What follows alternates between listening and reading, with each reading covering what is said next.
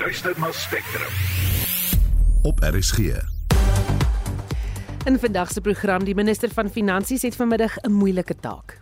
Het die regering genoeg moed om van hierdie ideologiese grondpad af te klim? Of gaan ons laat hierdie kar ry tot hy later is gedonk is, wiele pap, skroewe los en ons is op pad so heen? Ons praat met 'n ekonom en 'n politieke ontleder oor die mediumtermyn begrotingsraamwerk. Marius Jonker praat oor sy uitdagings as televisiewedstrydbeampte. Enige skeieregter wie ook al daai wedstryd gekry het waar Frankryk sou verloor, sou druk gehad het en sou kritiek gehad het. En die bokke skop hulle bestuur môre in Pretoria en Johannesburg af. Welkom by Spectrum, die redakteur is Wessel Pretorius, die produksieregisseur Daitrin Godfrey en ek is Susan Paxton.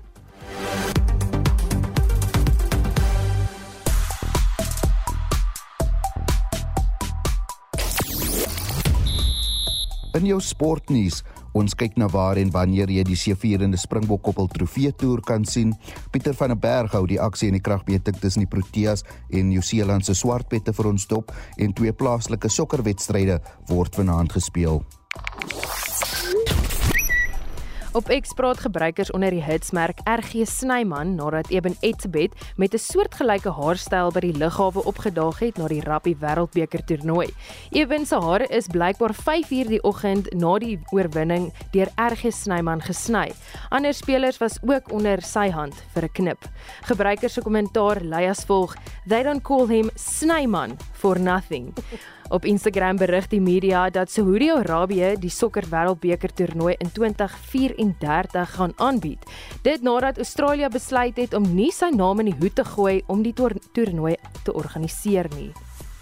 Ons gesels oor toerisme. Statistieke Suid-Afrika se toerisme meningspeiling van 2022 is gister bekend gestel en toon dat Gauteng die provinsie in die land is wat die meeste deur binnelandse toeriste besoek word. Kort op Gauteng se hakke volg die Wes-Kaap en dan Limpopo met die Vrystaat wat die minste toeriste ontvang.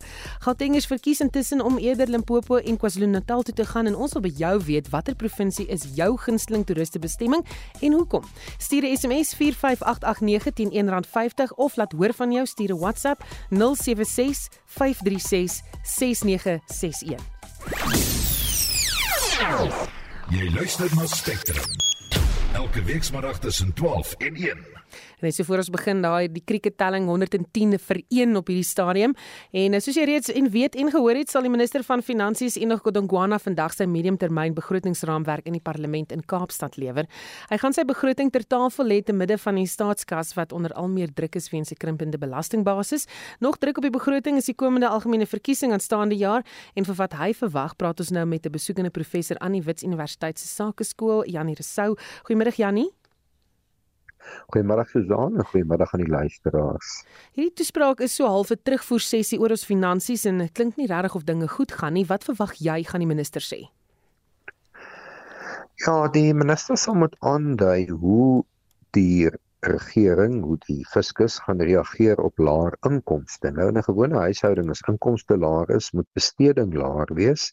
Maar uit my indruk in hierdie geval is dat daar fondse by sekere departemente wat in elk geval onderbestee weggeneem gaan word om op daardie wyse die tekortvoorlenings te te uh, bekamp. Hm. Het hy enige beweegruimte hier om, jy weet, hierdie kwessie te verbeter? Wel, uh deur dan hierdie besuinigings aan te kondig, is daar ruimte om te verbeter, maar uh ons is regtig nou by hierdie fiskale afgrond wat ek al 'n dekade lank voorspel het ek moes miskien destyds die woord fiskale moeras gebruik want ons net eenvoudig besig om hierin weg te sink. Dis is 'n skuldmoeras wat besig besig is om ons te oorval en die probleem is natuurlik die gevaar dat ons verdere kredietafgradering in die gesig kan staan. Hmm. Dit is ook natuurlik 'n verkiesingsjaar volgende jaar en dit sal heel moontlik ook 'n impak hê op sy besluite. Ehm um, dink jy dit gaan hom so 'n bietjie kniehalter? Natuurlik gaan dit om twee hand halter. Alles in Suid-Afrika tussen nou en Mei maand volgende jaar gaan net oor die verkiesing gaan maar terloops terwyl ons van die verkiesing en die politiek praat. Ek is nou van mening dat ons maar van die regering ontslae moet raak in die land vir die springbokke moet gee om te bestuur. Hulle kan hulle doelwitte bereik, hulle kan behoorlik saamwerk en daar's geen vermorsing nie, hulle wen net met 1 punt. Ek dink uh, RG Snyman kan dalk die minister van finansies word dan word hy die Snyman. Daar sê wie anders gaan jy in die kabinet wil hê? uh, ek sal definitief vir meneer koalisie uh, vir Sia koalisie as die president wil hê want hy's 'n uitstekende leier. Ek is net nie seker uh hoe ons die ander mense moet aanwend nie. Dit sal nog 'n bietjie beplanning neem. Ons ook sal ons ook maar moet vra wat hulle belangstellings is. Hmm, ek dink my geld is op rassie vir die minister van elektrisiteit. Hy het altyd 'n plan. Uh gepraat van dit, ek sien Eskom uh, het 'n tender uitgesit om 'n nuwe logo te laat ontwerp. Nou, is dit nie die tipe van ding wat jy nie doen as daar nie geld is nie? Ja, dit is min of meer na my mening uh onsinnig om dit op hierdie stadium te doen ons het nie geld nie op die enslie belastingbetaler hiervoor moet betaal. As jy 'n nuwe logo wil hê teken 'n kers en gebruik dit as 'n logo. Dis kom dit nie veel meer as dit nodig nie. Ek dink is hoogs onvanpas want dit bring my weer terug by my ou oue uitdrukking. Wanneer 'n organisasie of mense nie die goed kan doen wat hulle moet doen nie begin hulle om die goed te doen wat hulle kan doen. As jy nie meer jou organisasie kan bestuur nie begin jy nuwe logos ontwerp Baie dankie. Dit was 'n besoekende professor aan die Wits Universiteit se Sakeskool, Janie Resou. Nou, net soveel as wat die mediumtermyn begrotingsrede wat vanmiddag gelewe word te maak het met rand en sent, gaan dit ook bepaalde implikasies op 'n politieke vlak hê. En vir meer daaroor praat ons nou met 'n politieke ontleder van Akademia, professor Pieter Dievenage. Goeiemôre Pieter. Goeiemôre Susan. Wat verwag jy gaan die minister van Finansies vanmiddag sê? Ehm um, ek dink hy gaan probeer om 'n balanstoertjie te maak vanuit 'n politieke oogpunt tussen die wense van die ANC en die belange van die ANC aan die een kant en dan die harde werklikheid aan die ander kant van swak inkomste. Met ander woorde, hy sit met minder geld en hy sit met 'n party aan die ander kant wat hy verteenwoordig wat sy eie idee het hoe om Suid-Afrika te bestuur. En ek dink tussen hierdie twee aspekte kan ons vanmiddag se medium uh termyn begrotingsraamwerk amper kan ons sien wat daar gaan gebeur. Ehm um, en as ek praat van die wense van die ANC, dan is dit ongelukkig nou maar korttermyn belange van die party of die beweging en al die kaders en die syndikaate wat eerste in die tou staan eerder as wat die realiteit van die land ehm um, in ag geneem moet word. So ek dink sy hele toespraak gaan maar in daai konteks plaasvind. En watse ander sake spesifiek moet hy ook aandag skenk? Kyk, daar's 'n hele lys. As mens nou kyk waar waarop hy eintlik moet fokus en ek verwag weer eens vanmiddag 'n retories baie goeie rede uh van die minister van uh finansies en dit het ons nou al geleer ken van die ANC dat die regering van die dag is skitterend wanneer dit by retoriek kom. So hy gaan 'n baie mooi prentjie vir ons skets, maar die dinge waaraan hy spesifiek aandag moet skenk, weet ons almal as Suid-Afrikaner en daar's 'n hele lys. In die eerste plek moet die ekonomie beter bestuur word en nie volgens ou sosialistiese idees nie, maar volgens vrye markbeginsels gekoppel aan 'n sosiale bewussyn. Dit dit sou ek graag wou gesien het. En dan natuurlik al die ander belangrike dinge, jy weet Susanne kan hulle opnoem. Ons moet ons na ons arbeidswetgewing weer kyk. Veiligheid in Suid-Afrika moet 'n prioriteit wees. Infrastruktuur. Ek praat van energie, water, spoorlyne en hawens, rasionele toekenning van toelaas, die salarisrekening moet ehm um, moet behoorlik vasgevat word en dan die onsekerheid van iets soos die nasionale gesondheidsversekering en dan natuurlik die staatsondernemings wat net al hoe meer geld van die sentrale regering vereis. Ek hoor nou Transnet is ook weer 'n groot probleem. Ons praat nie eens van Eskom en dan is daar nog Telkom ook nie. Hmm. Hy waarsku al 'n ruk dat ons geld op is en maan oor die toelaag van R350 wat ons eintlik nie meer kan bekostig nie, maar is dit iets wat hy kan bekostig om af te skaf? Kyk, toelaas is 'n baie moeilike kwessie in Suid-Afrika en uh die interessante is ons het ook al 'n baie lank ehm um, stelsel van pensioene. Uh eintlik binne Afrika konteks uh ongelooflik dat ons 'n pensioenstelsel het uh oor 'n baie lang periode toelaas het nou maar te doen met die uh erge armoede in Suid-Afrika. So 'n mens kan nie eenvoudig die toelaas net afstel nie of ehm um, jy weet tot 'n einde maak nie. Maar die regering sal baie fyn moet gaan sit en die medium termyn begrotingsraamwerk is juis iets wat oor die volgende 3 jaar strek. Ehm um, en die toelaas kom neer op 140 miljard rand oor die volgende 3 jaar waarvoor daar nie eintlik begroot is nie. So dit beteken as die regering nie behoorlik hierdie saak fyn bestuur nie en hulle sal geld uit ander aspekte van die begroting moet gaan haal vir die toelaas. Ehm um, sodat 'n mens die armoede probleem aanspreek aan die een kant, maar ook nie jou begroting aan die ander kant vernietig nie. Dit is die groot uitdaging rondom die hele kwessie van toelaas. Watter ander politieke implikasies het die leestaatskoffers vir ons? Wel die die belangrikste politieke implikasies van leestaatskoffers is die volgende in die eerste plek uh, is Suid-Afrika 'n baie komplekse land en in sy huidige vorm uh gaan dit nie volhoubaar wees om die land te bestuur as dit nie goed gaan met die ekonomie nie. Dis die eerste groot geweldige politieke implikasie. As jy nie Suid-Afrika ekonomies goed bestuur nie, gaan die hele politieke komplekse situasie van Suid-Afrika skibreek lê. Uh op verskeie maniere en mense kan nou maar net spekuleer in watter opsigte. Tweedens is die ironie dat die ANC wat so graag Suid-Afrika soewerein wil hou, gaan binnekort dalk by die internasionale monetêre fonds en by die wêreldbank uh, wêreldbank moet gaan bakkant staan. En dit gaan Suid-Afrika se soewereiniteit uh, op die spel plaas. En dan die derde implikasie van die leë staatskoffers en hier wil ek aansluit by prof Janie Resou ons moet as Suid-Afrikaners nou kyk na na die enigste manier om werklike ommekeer in die staatsekonomie van Suid-Afrika polities teweeg te bring ding is om gewoon die regerende party van die dag um uit te stem. Uh dit is my mening as 'n politieke kommentator want ons kan praat oor die ekonomie, ons kan praat oor die huidige regering, maar uh alles is alle tekens is daar dat die regering van die dag nie in staat is om 'n komplekse land soos Suid-Afrika goed te bestuur nie. Baie dankie. Dit was professor Pieter Dievenage, politieke ontleder van Akademia. Onthou vanmiddag 2 uur skakel ons regstreeks oor na die mediumtermyn begrotingsraamwerk wat gelewer sal word.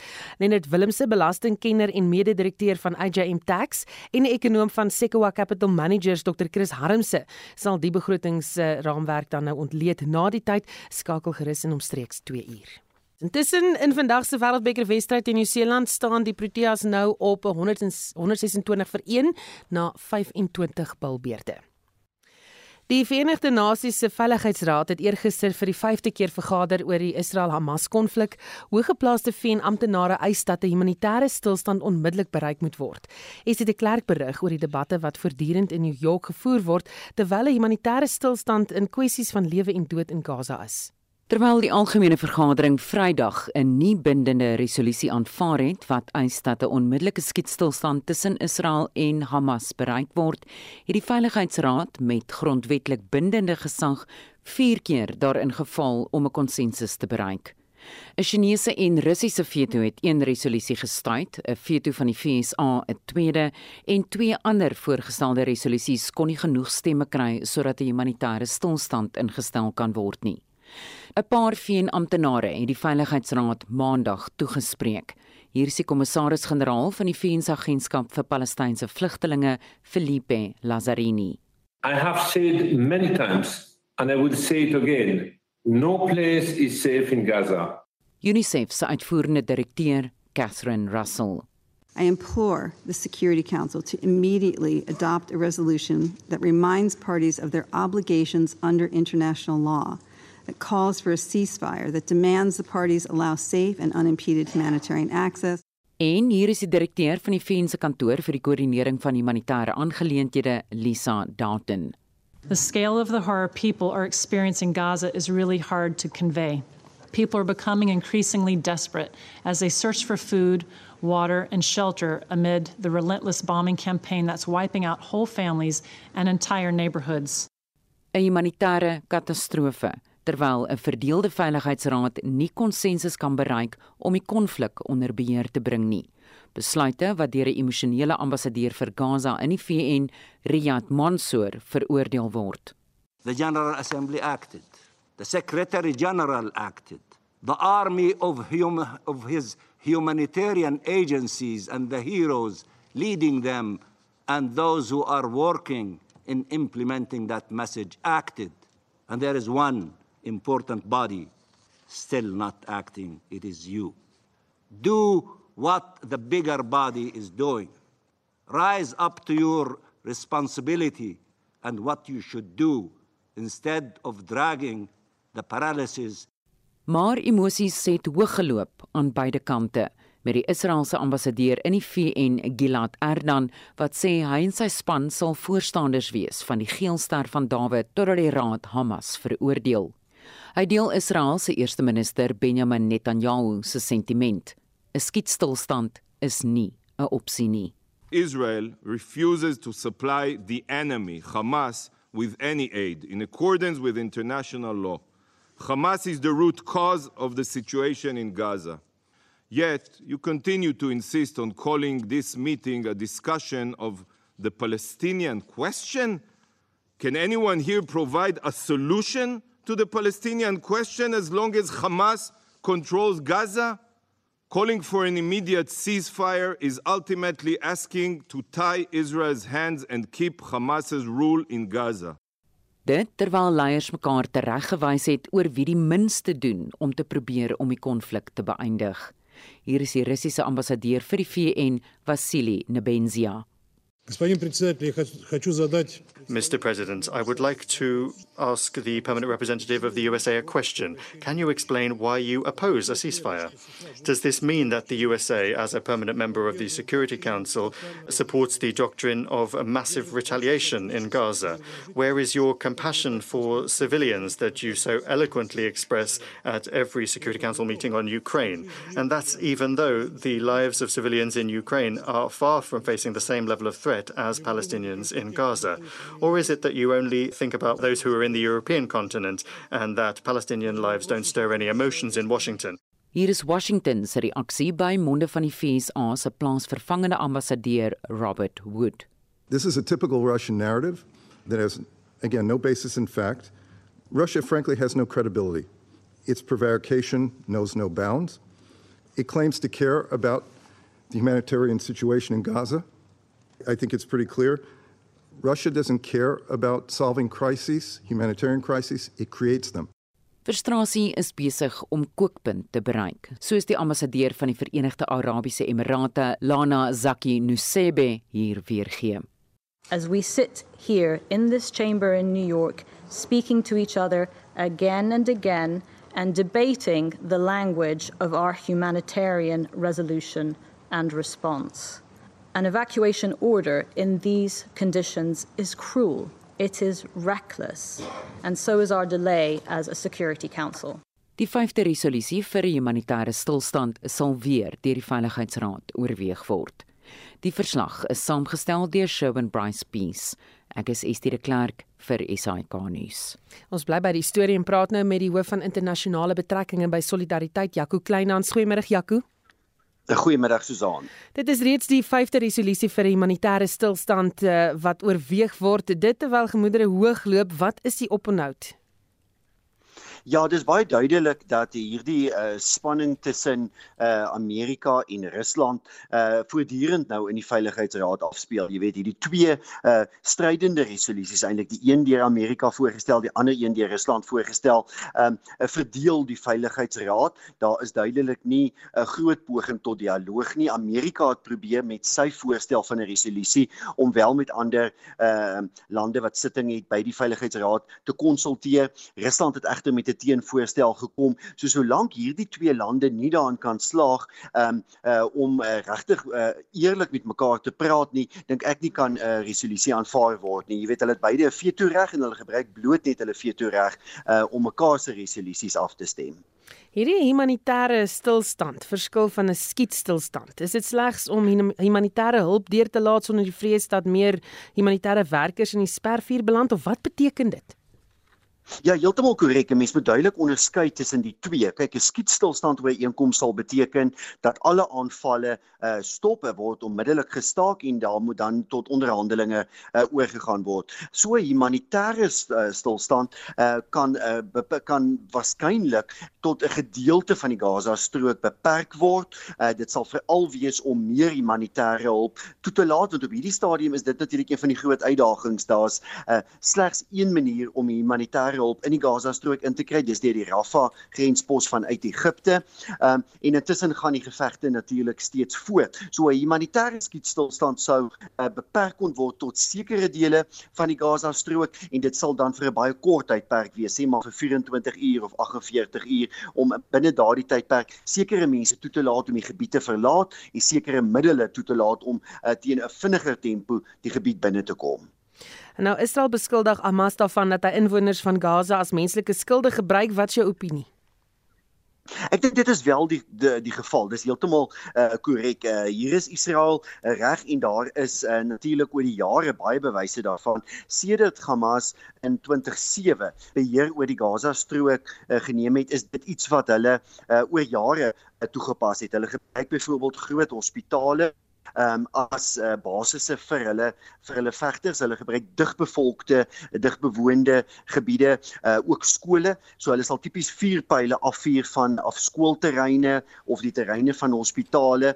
Um, en dan natuurlik uh, is Israel in 'n sin in 'n skaakmat posisie want nou moet jy die die plek waar die vuurpyl vandaan afgeskiet is, moet jy aanval en dan is dit 'n skool of 'n hospitaal uh, wat geteken word. So dit is 'n baie baie moeilike posisie hierdie hele gebruik van skulde. Baie van jou eh, leierskap in Hamas het self al hulle eh, self uitgespreek om te sê dit is deel van hulle strategie juis. Ehm um, uh en en daardeur verander hulle dis die narratief van hierdie hele stryd. Kyk, uh, nadat die aanval op die 7de Oktober in die suide van Israel uitgevoer is, het ons aanvanklik vir dae gepraat oor die wreedheid van daardie aanvalle wat byvoorbeeld met kinders gedoen is, al daardie dit was die beelde van hierdie konflik. Maar sedertdien het die beeld van die konflik heeltemal verander na dit wat nou gebeur met burgerlikes, uh, veral in die noorde van Gaza. En in daardie opsig slaag uh, Hamas dus baie duidelik om die internasionale gesprek weg te lei, weg van dit wat die 7de Oktober gebeur het na eerder die die burgerlike lyding wat wat werklik is en wat wat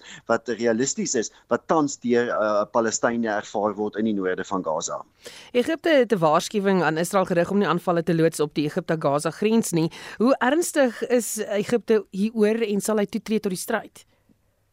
Ek dink uh, Egipte wil homself uh, natuurlik beskerm van hierdie hele konflik. Uh die, die afgelope paar jaar was dit baie duidelik geweest uh dat Egipte alles in sy vermoë wil doen om te verhoed dat hierdie konflik oorspoel in Egipte, soos wat dit in die verlede gebeur het en waar Egipte dus dikwels ingetrek is in in 'n oorlogsposisie. Uh Hamas en en sy ondersteuners, mense dink hier aan Hezbollah in Libanon, jy dink aan Sirië en ook Iran wil natuurlik graag ander lande in die streek soos Egipte en en ehm um, uh, ook Libanon intrek in in hierdie konflik. Ons het gesien 'n paar dae gelede ook die regering van Jordanië wat 'n versoek aan Amerika gerig het vir lugafweerstelsels en dit is nog 'n land wat dis sê ons wil nie by hierdie konflik betrokke raak nie. So sou Egipte ehm um, uh ingetrek word dan raak dit natuurlik aan nog 'n front uh, uh ver, versprei hierdie konflik en dit is hoekom Israel ehm um, eintlik uh, baie versigtig moet wees met hoe hy die die die Rafah grenspos hanteer en of hy hy toelaat uh, dat daar dat die konflik na daardie gebied versprei. Israel se fokus tans is baie sterk op die noorde van die Gaza-strook en dis redelik ver verwyder van die grens met Egipte. Sou hierdie Rafah grensposse ook oopgestel word uh, sodat vlugtelinge na Egipte kan vlug? Kyk, ver oggend het ons nou gesien, dit is nou so in die afgelope 2 ure, Susan dat die grenspos wel oopge oopgestel is, maar baie beperk. Dit is vir mense met buitelandse paspoorte. So daar's omtrent so ek ek het nou nou gesien so 500 Palestynë wat reeds ver oggend deur die grenspos is. Hulle is almal mense wat uh, paspoorte vir byvoorbeeld sê maar Europese lande. Ek sien as mense uit Japan en uh, Australië en so aan uh, uh, wat wat die, wat die uh, um, wat met ander woorde die Gaza strook kon verlaat na Egipte. Dan ook mense wat werk vir internasionale organisasies, ook mense met sekere beserings weens hierdie konflik. So daar was 'n beperkte ehm um, geleentheid vandag vir mense om wel deur die Rafah grenspos Gaza te verlaat, maar tot dusver natuurlik nie vlugtelinge nie, nie algemeen vlugtelinge nou nou is uh, uh, of Egipte is redelik uitgesproke daaroor dat hulle geen vlugtelinge uit die Gaza strook wil ontvang nie. Dis baie duidelik eintlik dat geen ander land in in die Midde-Ooste dit wil doen nie. Jordanië sê hulle kan nie meer vlugtelinge inneem nie. Jou uh, golflande wil dit nie doen nie. So sou dit oopgestel word vir vlugtelinge is die vraag waarheen moet hierdie vlugtelinge gaan? Op hierdie tydstip is daar eintlik geen land wat vlugtelinge wil uitgesproke daaroor is dat uh, daaroor is dat hulle vlugtelinge uit die Gaza strook wil ontvang nie. So ek dink op op op die oomblik is dit nie deel regtig van die onderhandelinge nie. Dit gaan baie meer daaroor om humanitêre hulp in te kry in die Gaza strook en om mense wat wel 'n legitieme rede het, met ander woorde 'n paspoort het om ergens heen te gaan om hulle toe te laat om die Gaza strook te verlaat. Dan Israel hou vol dat 'n skietstilstand buite die kwessie is. Uh, wat is die moontlikheid dat daar wel so iets kan wees?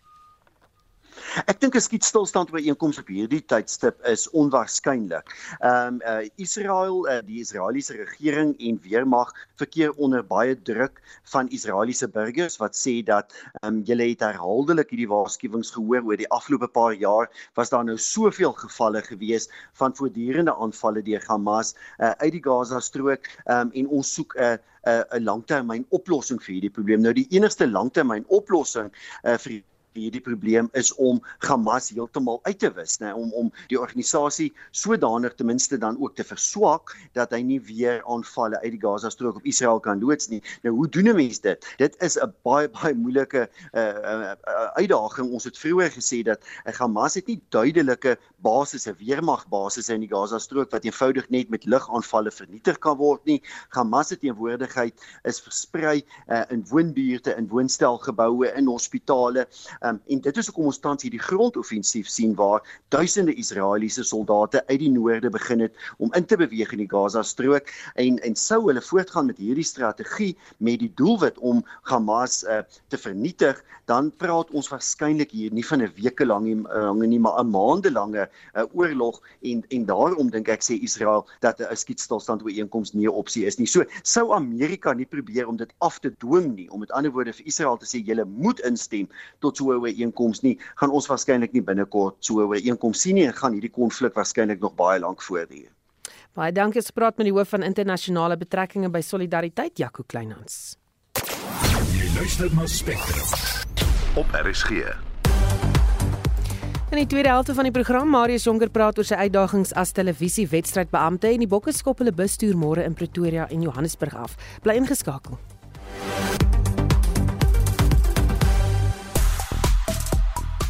Nou as jy gevra waar hou jy van uh, daarvan om vakansie te gaan hou in Suid-Afrika? Kom hoor gou wat sê jy. Die Weskaap natuurlik. Die wynlande, die Tafelberg, die meisies, pragtig. Daarvan in die Noord-Kaap met sy uitgestrekte vlaktes, asemrowend saam met sy wilde diere, die teleskope van Meerkat is ook daar. Ja nee, ons geniet vir ons daar. Die vleis is bitter bekostigbaar. Nou ja, nog iemand wat sê dis net daar's net een plek, die Suid-Kaap, Mosselbaai tot by Plettenberg Baai, Hartenbos bo. Um, ek uh, kamp in die Suid-Kaap sê dit 1960 sy Andre Victor van Wellington. Uh, dankie dat jy saamgesels het. Jy kan steeds vir ons 'n SMS stuur of 'n stemnota oor uh, waar jy van hou om vakansie te hou.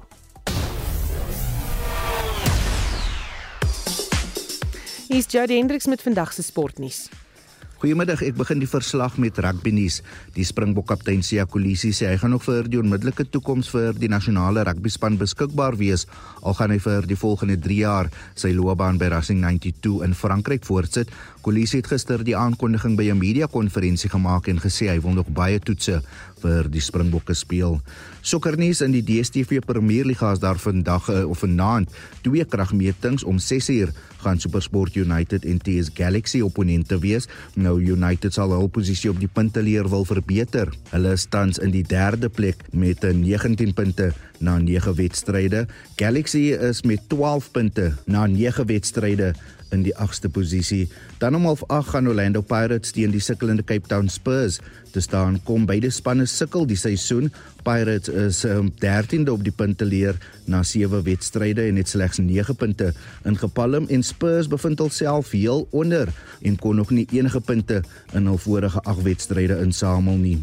Nou tennisnuus en Jessica Paluga van Amerika is deur na die halfeindronde van die WTA jaareindtoernooi in Cancun, Mexico, nadat sy vir Aryna Sabalenka, die voorste vroue speler in die wêreld, 6-4 en 6-3 in hul wedstryd geklop het. Jody Hendricks vir RSG Sport. Nou Nieu-Seeland het die lood gewen en besluit om eers te bal in hulle eendag wêreldbeker wedstryd teen Suid-Afrika in Pune in Indië en ons skakel nou oor na sportverslaggewer Pieter van der Berg. Goeiemôre Pieter.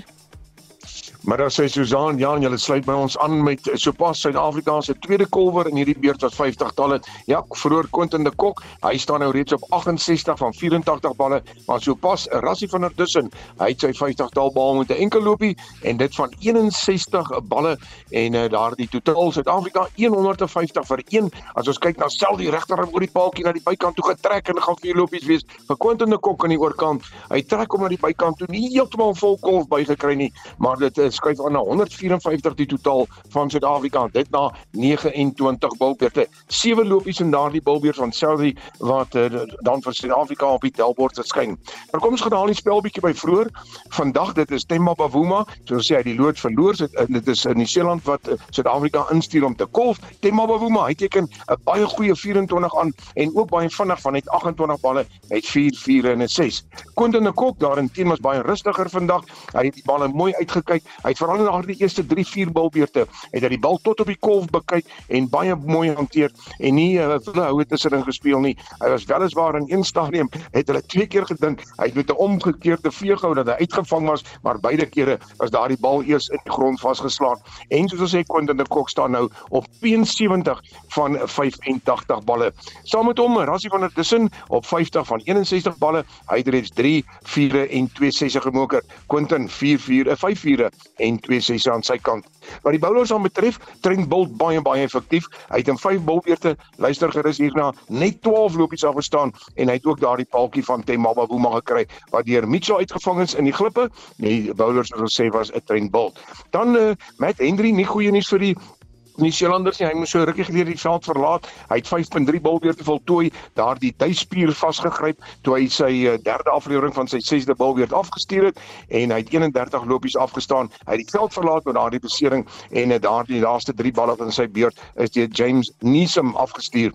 Maar die ander bowlers, uh, Tim Selby in 5 beurte 32 wat hy afstaan, uh, Mitchell Sandberg, hulle het gebruik gemaak van 3 draaiers. Hy het in 5 beurte 23 afgestaan en dan Glenn Phillips jobs in 6 beurte staan hy 34 af en die duurman net 2 bilbeurte gebul maar hy het uh, 17 lopies afgestaan 8.5 per bilbeurt Rashin Ravindra. So dit gaan goed met Suid-Afrika.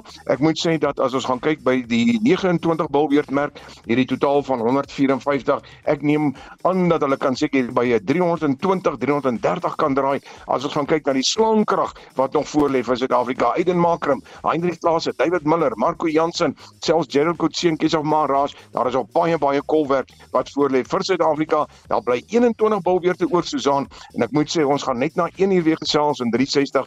Ek is baie opgewonde oor die feit dat Quentin en Kok en Rassie van der Dussen reeds by hulle 100-tal vennootskap verby is en Suid-Afrika goed vaar teen Nieu-Seeland. Nieu-Seeland derde op die punteleer, Suid-Afrika tweede op die punteleer. Ons gesels net na 1360 weer, maar Susan daarmee terug na jou in die Spectrum Ateljee in Johannesburg. Baie dankie, dit was Pieter van der Berg van RSG Sport. Nou ja, dit was nie net die vertonings van die deelnemende spanne, spelers en afvigters wat die kollig by vanjaar se rugby wêreldbeker toernooi in Frankryk gesteel het nie. Die wedstrydbeampte se vertolking en toepassing van die reëls het ook wyd belangstelling en bespreking ontlok. Die televisie wedstrydbeampte Marius Jonker het kort na sy aankoms met die Springbokke in Johannesburg hieroor met SAK nuus se Liesel Olivier gepraat. Die vertonings van die wedstrydbeamptes het vanjaar gereeld die hoofopskrifte gehaal. Die meeste het onder negatiewe kritiek deurgeloop, ook wat betref die toekenning van geel en rooi kaarte. Die Nieu-Seelandse skeieregter Benno Keefe het diens gedoen in die Bokke se kwart en halfeindronde wedstryde teen onderskeidelik Frankryk en Engeland. As gasheerland en titelgunsteling was die Franse skare veral bitter oor sy beslissings. Die ervare Wayne Barnes van Engeland het daarna die fluitjie in die eindstryd hanteer. Hy het ook die gramskap van verskeie All Black ondersteuners op die hals gehaal met van sy besluite.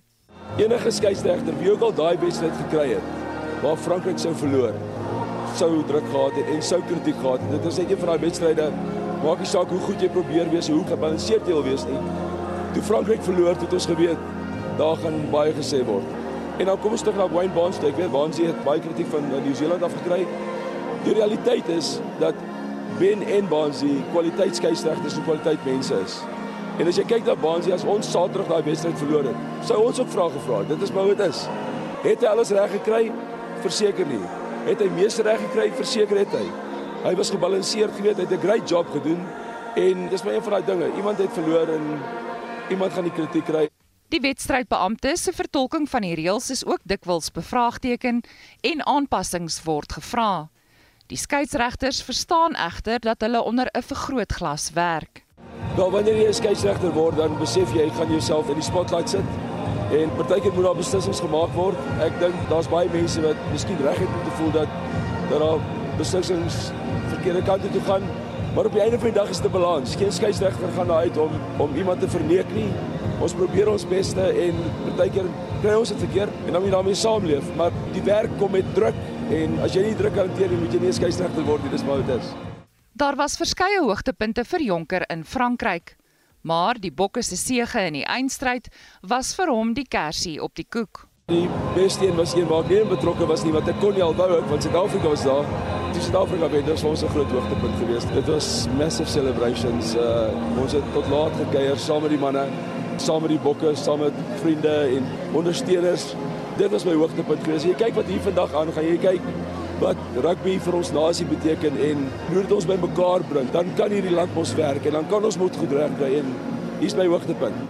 Na 10 weke in Frankryk gaan Jonker nou eers bietjie uitspan voor hy sy rugby verpligtinge hervat.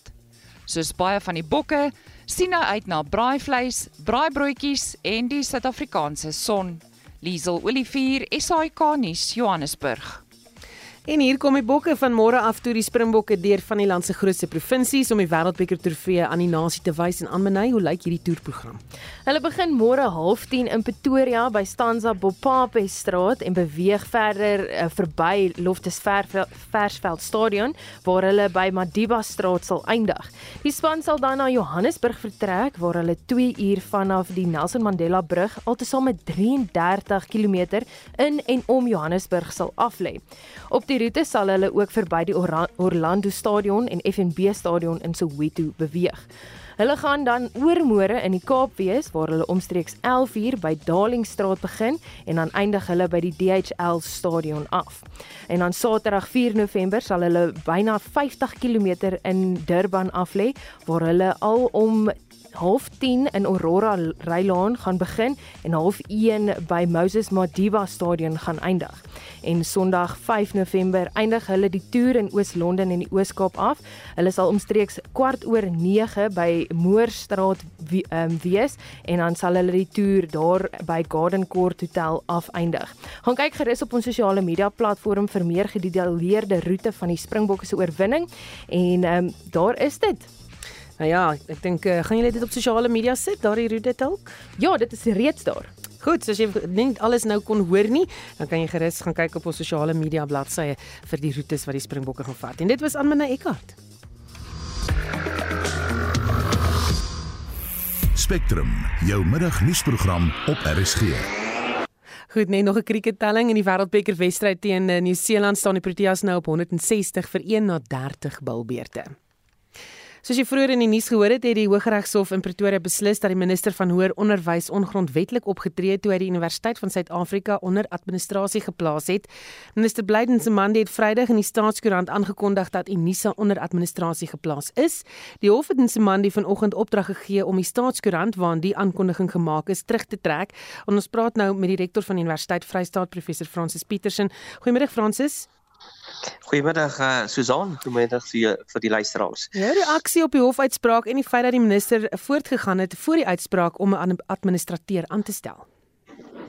Ja, ehm um, so ek wil net eers eerste plek eh, 'n uh, punt maak dat ek dink in die hoër onderwyssektor uh, uh hou ons nie graag daarvan dat ons universiteite onder administrasie geplaas moet word nie. Uh maar as daar sekere probleme is dan moet daarna gekyk word. Ek dink die die die minister het het het het, het tegnies korrek seker opgetree uh in terme van die hoër onderwys uh, uh wet uh, wat hom toelaat om al is daar 'n uh, weet 'n uh, uh, uitspraak deur die Hooggeregshof of al is daar 'n appel kan hy nog steeds voortgaan. Ehm um, uh, uh as hy voel dat uh, dat daar is 'n uh, wesentlike wesentlike uitdagings by 'n uh, instansie of by universiteit. So het hy vroegtydig opgetree. Uh um, ek, ek ek ek ek kan net praat uit die oogpunt uit van die tegniese uitvoering van onder die hoër onderwyswet en ek dink hy is geregtig om dit te doen. Uh maar natuurlik met hierdie uitspraak dat hy dat hy dit moet gaan terugtrek. Um dit is iets wat ek dink hulle span moet gaan gaan gaan heroorweeg en gaan sê is hulle nou heeltemal uit lyn uit met die hoër onderwyswet. Uh ek ek ek is nie 100% seker daaroor nie, maar ek dink in terme van hoe dit nou, hulle het dit eintlik aangepas die hoër onderwyswet. Soos dit tans is, ek dink ek het dit tegnies korrek opgetree. Is hier 'n slang in die gras want die minister wil doelgerig optree en Nisa staan dit teen. Ja, ek ek ek ek ek sou nie sê daar's 'n slang in die gras. Ek dink daar was twee twee verslae. Jy weet die ministeriële taakspan uh was die eerste ondersoek uh en dan natuurlik die uh uh um die die die musea verslag. Um en daar was wesenlike punte wat wat uitgelig uitgelig is.